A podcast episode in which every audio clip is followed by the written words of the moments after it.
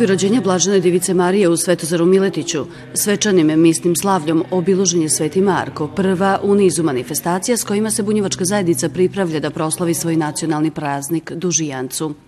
U organizaciji domaćina Bunjevačkog kulturnog centra Lemeški Bunjevci okupili su se gosti iz Subotice, Bajmoka, Male Bosne i Sombora da na dan Svetog Marka svirom u zagovor sveca mole da blagoslov mladog žita sačuva rod od nevrimena. Da, ja sam da taj običaj ovde u Svetozar Miletiću započeo nekih 90 e, i koje godine. Međutim, e, Bunjački kulturni centar od svog e, osnivanja konstantno drži tradiciju, nastavlja dalje ovaj, ubeležavanje Svetog Marka. Za Bunjevački kulturni centar Lemeške Bunjevci mnogo znači ovaj dan, jer to je sam početak obilužavanja nacionalnog praznika Dana Dužijance, posvećenje žita mladog žita. E, I naravno e, okupili smo e, našu dicu mlade, što je starije, e, da odemo u crkvu e, na svetu misu, posle toga idemo sa procesijom na obližnu njivu e, e bunjevačke familije e, Kajić, e, gde će biti obavljeno blagoslov mladoga žita. Manifestacija Blagoslova mladog žita podržana je od strane Ministarstva kulture, Pokrajinskog sekretarijata za obrazovanje, propise upravu i nacionalne zajednice i Nacionalnog savita i ustanove kulture Bunjevaca. Ono što je po tradiciji Bunjevaca, znači to je ukorenjeno znači, od Pantivika i e, trudimo se da e, kroz e, znači, e, organizaciju svih manifestacija znači, koje su u sklopu obilužavanja Dana Dužijance koja, koje kreću upravo na, znači, sa 20 25. aprilom i završavaju se znači sa centralnom manifestacijom znači 15. augusta na Veliku Gospojinu. E, mi e, znači kroz e, dugogodišnji rad znači kulturi i kulturi bunjevaca se trudimo znači da se ispoštuju svi ti znači taj proces događaja koji su vezani za i manifestacije vezane za virske događaje kao i, i manifestacije koje su u skladu znači sa svim onim što što u stvari mlado žito to jest završni, ajde da kažem, produkt toga je znači kruv. Na žitnom polju svećenik blagosilja zeleno žito okrećuć se na sve četiri strane, čime je simbolično blagosilja sva žitna polja Bačke. Običaji na Svetog Marka se nisu znatno minjali, bunjevci ga poštivaje i slave odvajkada u svojim familijama i župama. Da bi imali kruva za cilu godinu. Na sam taj e, dan u crkvi se održi misa, ode se posveti se e, žito i naravno molimo cile godine da imamo dobar rod. Mi smo vezani za njive, za polja i Sveti Marko je nama pomagao u tome, znači virovanje u Boga, virovanje u sve koje nam pomažu i molimo. Najveći doprinos je to, najviše što možemo da uradimo, da se zahvalimo svima na dobar rod za kruva. Somborski bunjevci su nakon euharistijskog slavlja u Varuškoj župi blagoslov mladog žita Somborski atara obavili na starom autentičnom salašu domaćina Franje Delije. Na svim somborskim salašima se posvećuje žito mlado, što kaže, i pokušavamo da prenesemo na mlađu generaciju da i oni to nastave dalje po imi. Od davnina je to postoji, što kaže, sad eto, održavamo i dalje kao tradicionalno, pa znači mi kao domaćinu to mogu ugostiti. Običaj blagoslova žita na dan Svetog Marka datira već nepuna dva vika, a Bunjevačko kolo se od svojeg reosnivanja na ovaj dan okupi da zajednički proslavi sveca zaštitnika žitni polja. To je jedan kontinuitet zapravo koji je Bunjevačko kolo nasledilo od njihovih starih, da ne kažemo da je ta tradicija traje sigurno, sigurno 150 godina. Zapravo Bunjevačko kolo kad je reosnovano 2000. godine je u, u, u svojoj agendi, a je i u agendi zapravo nekih svojih običaja ovaj, tradicionalno uvelo i to da se obeležava dan Svetog Marka, koji je samo uvod, koji je jedan od uvodnih stvari e, pripreme za prestojeću, znači, dakle, dužionicu. Vidjeli ste ovde da je na Salašu jedna prava bunjevačka atmosfera, što je jako važno. Znači, još ima nade za nas bunjevce da će se te običaji tako divni preneti i na našu decu. Već i oni znaju šta je tradicija i šta treba da se čuvaju zapravo da bi ova, ova naš bunjevački narod i na ovoj teritoriji inače u Republici Srbiji mogao da opstane. Ovom prilikom Nevena Brdarić i Josip Delija su predstavljeni ko budući bandaš i bandašica Somborske dužionice 2021. godine. I ove godine smo pronašli novog bandaša i bandašicu koji su na nivou kaka, kako crkva zala nalaže, kako narod nalaže i došli smo u malu peštu na Bezanskom putu. Na ovogodišnji bandaš čeka još od lane da bude, pošto eto lane nismo imali dužionicu. Bandašica takođe čeka već duže vremena i konačno su dočekali. E, gledamo da svake godine idemo na druge salaše, ako smo u mogućnosti što se tiče domaćina, a ovo kao što ćete videti na snimku, ovo je baš pravi salaš bunjevački u njivama i e, domaćinu je zaista drago što eto ovakav skup došao i u njegovu kuću. On i sam je bio bandaš u svojoj mladosti kad smo mi bili generacija, eto dočekao je da bude i sin bandaš. U narodu se viruje da će đurđevske kiše donete bogatu žetvu, a ako na dan Svetog Marka s jutrom slavu i zapiva, proliće će biti sunčano. A ako je žito tako veliko da se u njeg vrana može sakrit, bit će rodna godina.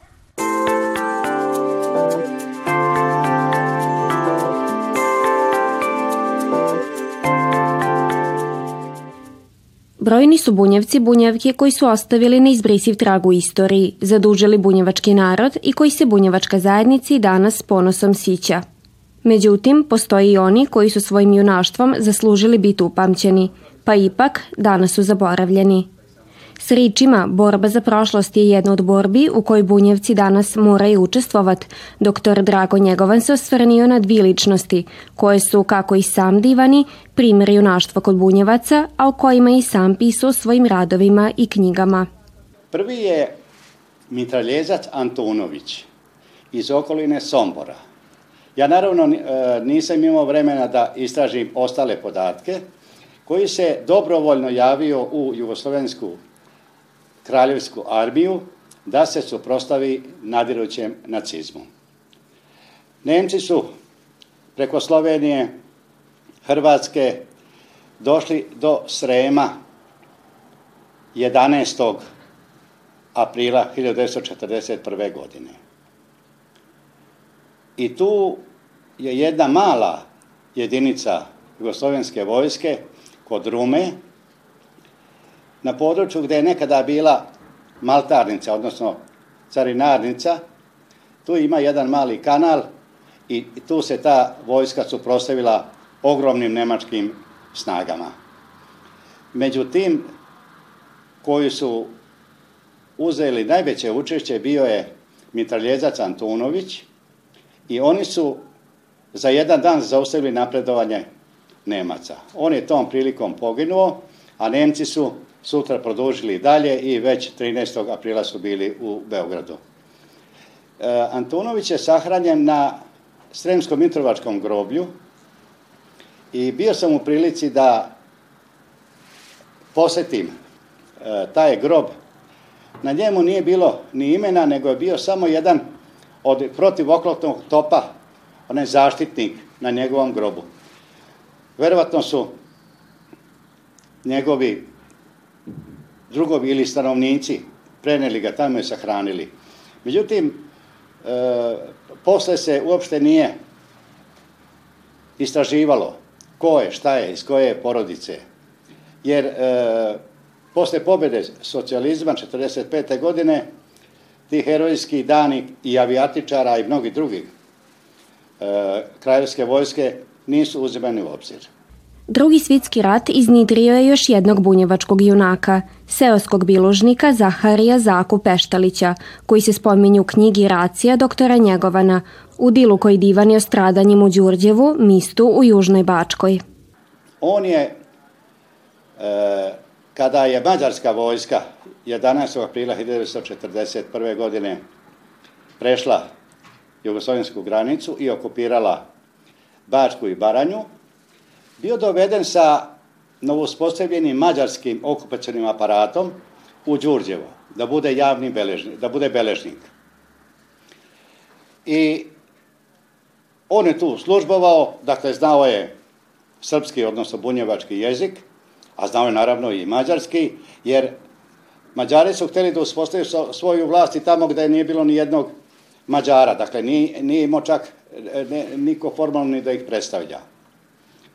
I kada su Mađari donali odluku e, da se sprovede januarska racija u Južnoj Bačkoj i Novom Sadu, Bečeju i Srbobranu, tada su oni sve to pripremili,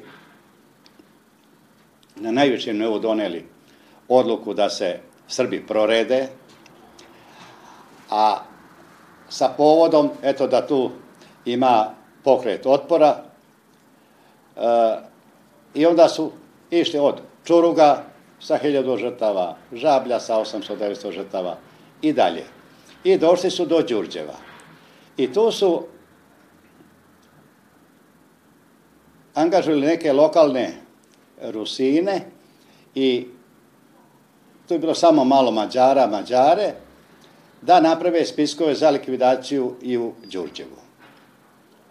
Međutim, Zaka Peštalić i Franja Epert, Nemac učitelj, su rekli ovde nema nikakvih turbulentnih elemenata, nemojte ovde sprovoditi raciju, nema potrebe, mi garantujemo za, te, za sve te sravnike. To je bilo 9. u 10. januara. I ta mađarska vojska, žandarmerija i tako dalje se vrati. Međutim, oni se posle dva dana vrate opet, uhapse Zaku Peštalića, uhapse tog Nemca, njegovu suprugu i služavku i počnu sprovoditi raciju u Đurđevu. I tu je bilo 206 žrtava, dakle 206 Đurđevdana, Đurđevđana je ubijeno za vreme racije. Među njima i taj Nemac, njegova supruga i služavka i naravno Zaka Zaharije Peštalić. Naravno, on je kao i druge žrtve završio u Tisi, posmrtih ostataka nema, ali mora posveti sećanje na Zaku Peštalića. Podataka o Antunoviću i Zaki Peštaliću ima malo, a u knjigama i istorijskim spisima nema fotografija ova dva bunjevca. Upravo zato naš sagovornik poziva bunjevački istoričare nek detaljnije istraže ova dva junaka, jer kako ističe, oni zasluživaje da ih se vično sićamo. Ta borba za sobstvenu istoriju koju drugi kradu, prisvajaju, je nešto o čemu bunjevci moraju da vode računa. Verujem da bi naši arhivi i istoričari koji ponešto o tome znaju bili od pomoći i samim bunjevcima, ali to je prosto ono što bunjevci moraju sami da urade. Sad je zadatak na bunjevačkim istoričarima i istraživačima nek se uvate u koštac sa dostupnim podacima, zađu u arhive i svidočenja i pronađu sve o ovim značajnim ličnostima koje su u istoriji ostale zaboravljene, a trebali bi biti na ponos bunjevačkoj zajednici. Gledate paletu. Izbor iz emisija na jezicima nacionalnih zajednica.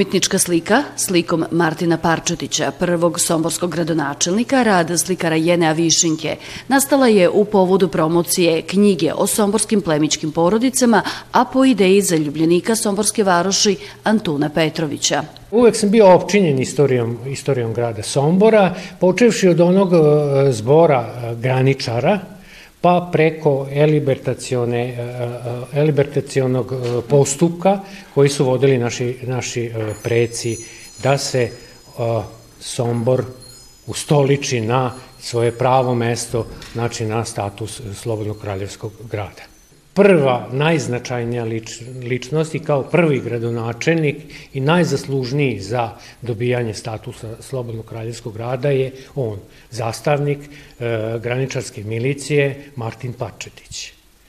Slikar Jene Višinka je autor portreta mnogih znamenitih ličnosti, počev od Laze Kostića do Siteja Obradovića, priko biblijskih likova, pa sve do Blaška Rajića.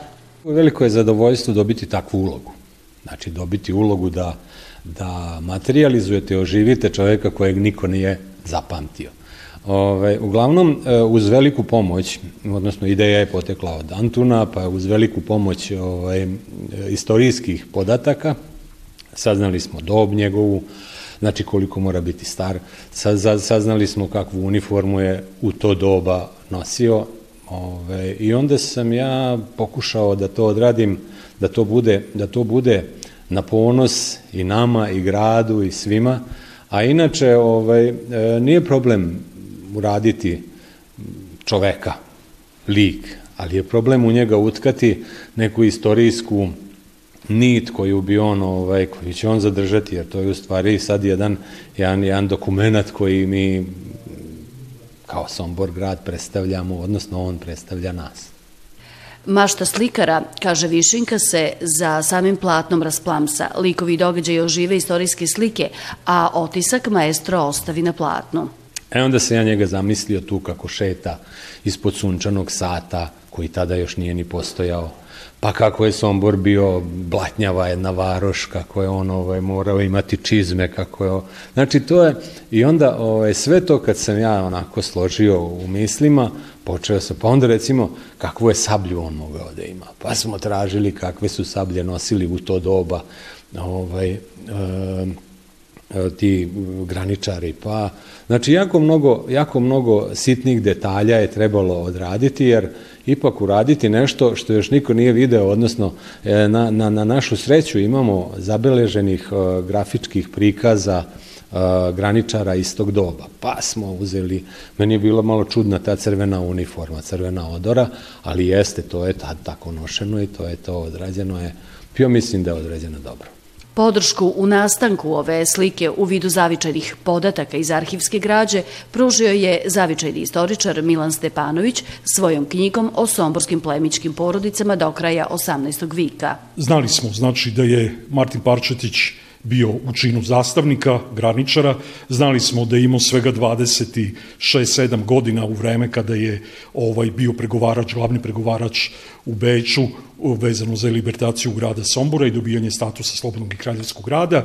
I znali smo da je imao tačno 27 i po godina, bio je prvi i do sada od 80 somborskih gradonačelnika najmlađi gradonačelnik u istoriji grada Sombora, znači prvi gradonačelnik Sombora je ujedno i najmlađi, imao je svega 27 i po godina kad je izabran za gradonačelnika. Na koncu čuvena knjiga monografija Bakroreza Martina Engelbrehta, nemačkog gravera, bakrorezca i slikara, zaokružila je istorijsku podlogu za materializaciju ove slike. Na osnovu a, njegovih likovnih beležaka, vizualnih tragova, bakroreza, bojenih bakroreza koje on pravio za vreme tog rata u Bavarskoj, u Češkoj, u, a, u području Rajne i tako dalje, gde su sve ratovali naši, naši preci odavde, a, sačuvane su zapravo uniforme tog vremena, kako su izgledali vojnici i oficiri graničari sa ovih prostora koji su išli tamo da ratuju. Na osnovu toga, evo, to je bio taj, taj neki krunski podatak koji nam je omogućio da ovaj vizualni izgled bude u znatnoj meri i autentičan, a sve ostalo smo pretpostavili, imali smo čak i neke likove njegovih unuka i praunuka, pa smo i na osnovu toga uh, malo radili sam portret. Ovo je jednostavno zaista najsličnije onomu što možemo da očekujemo da ima jedan mlad čovek, oficir austrijske carske vojske, odnosno oficir austrijskih graničara u to vreme. Ove godine biće obiluženo 300 godina od rođenja prvog i najmlađeg somborskog gradonačelnika Bunjevca Martina Parčetića, a datum kad je potpisao čuvenu povelju o statusu Sombora ko slobodne i kraljevske varoši, 17. februar, Sombor slavi ko svoj dan grada.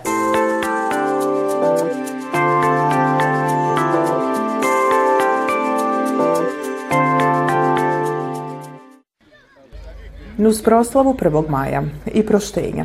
Praznični dani u Đurđinu svake godine protiču i u znaku susrita veterana futbolskog kluba Đurđin. Ovog puta tradicionalno okupljanje i jubilarno, a to je uvijek prilika za druženje, podsjećanje na lipe trenutke provedene u klubu i sve to kroz revijalnu utakmicu veterana, koju je započeo Lojzija Korponajić Joka prije 40 godina, a po kojem futbalski teren u Đurđinu i nosi ime. Skoro 40 godina je on uvijek držao nas. E, posle, evo sad, na godinu će biti 15 godina, kako ga nema. Znači, 2007. je napustio i on ovaj klub.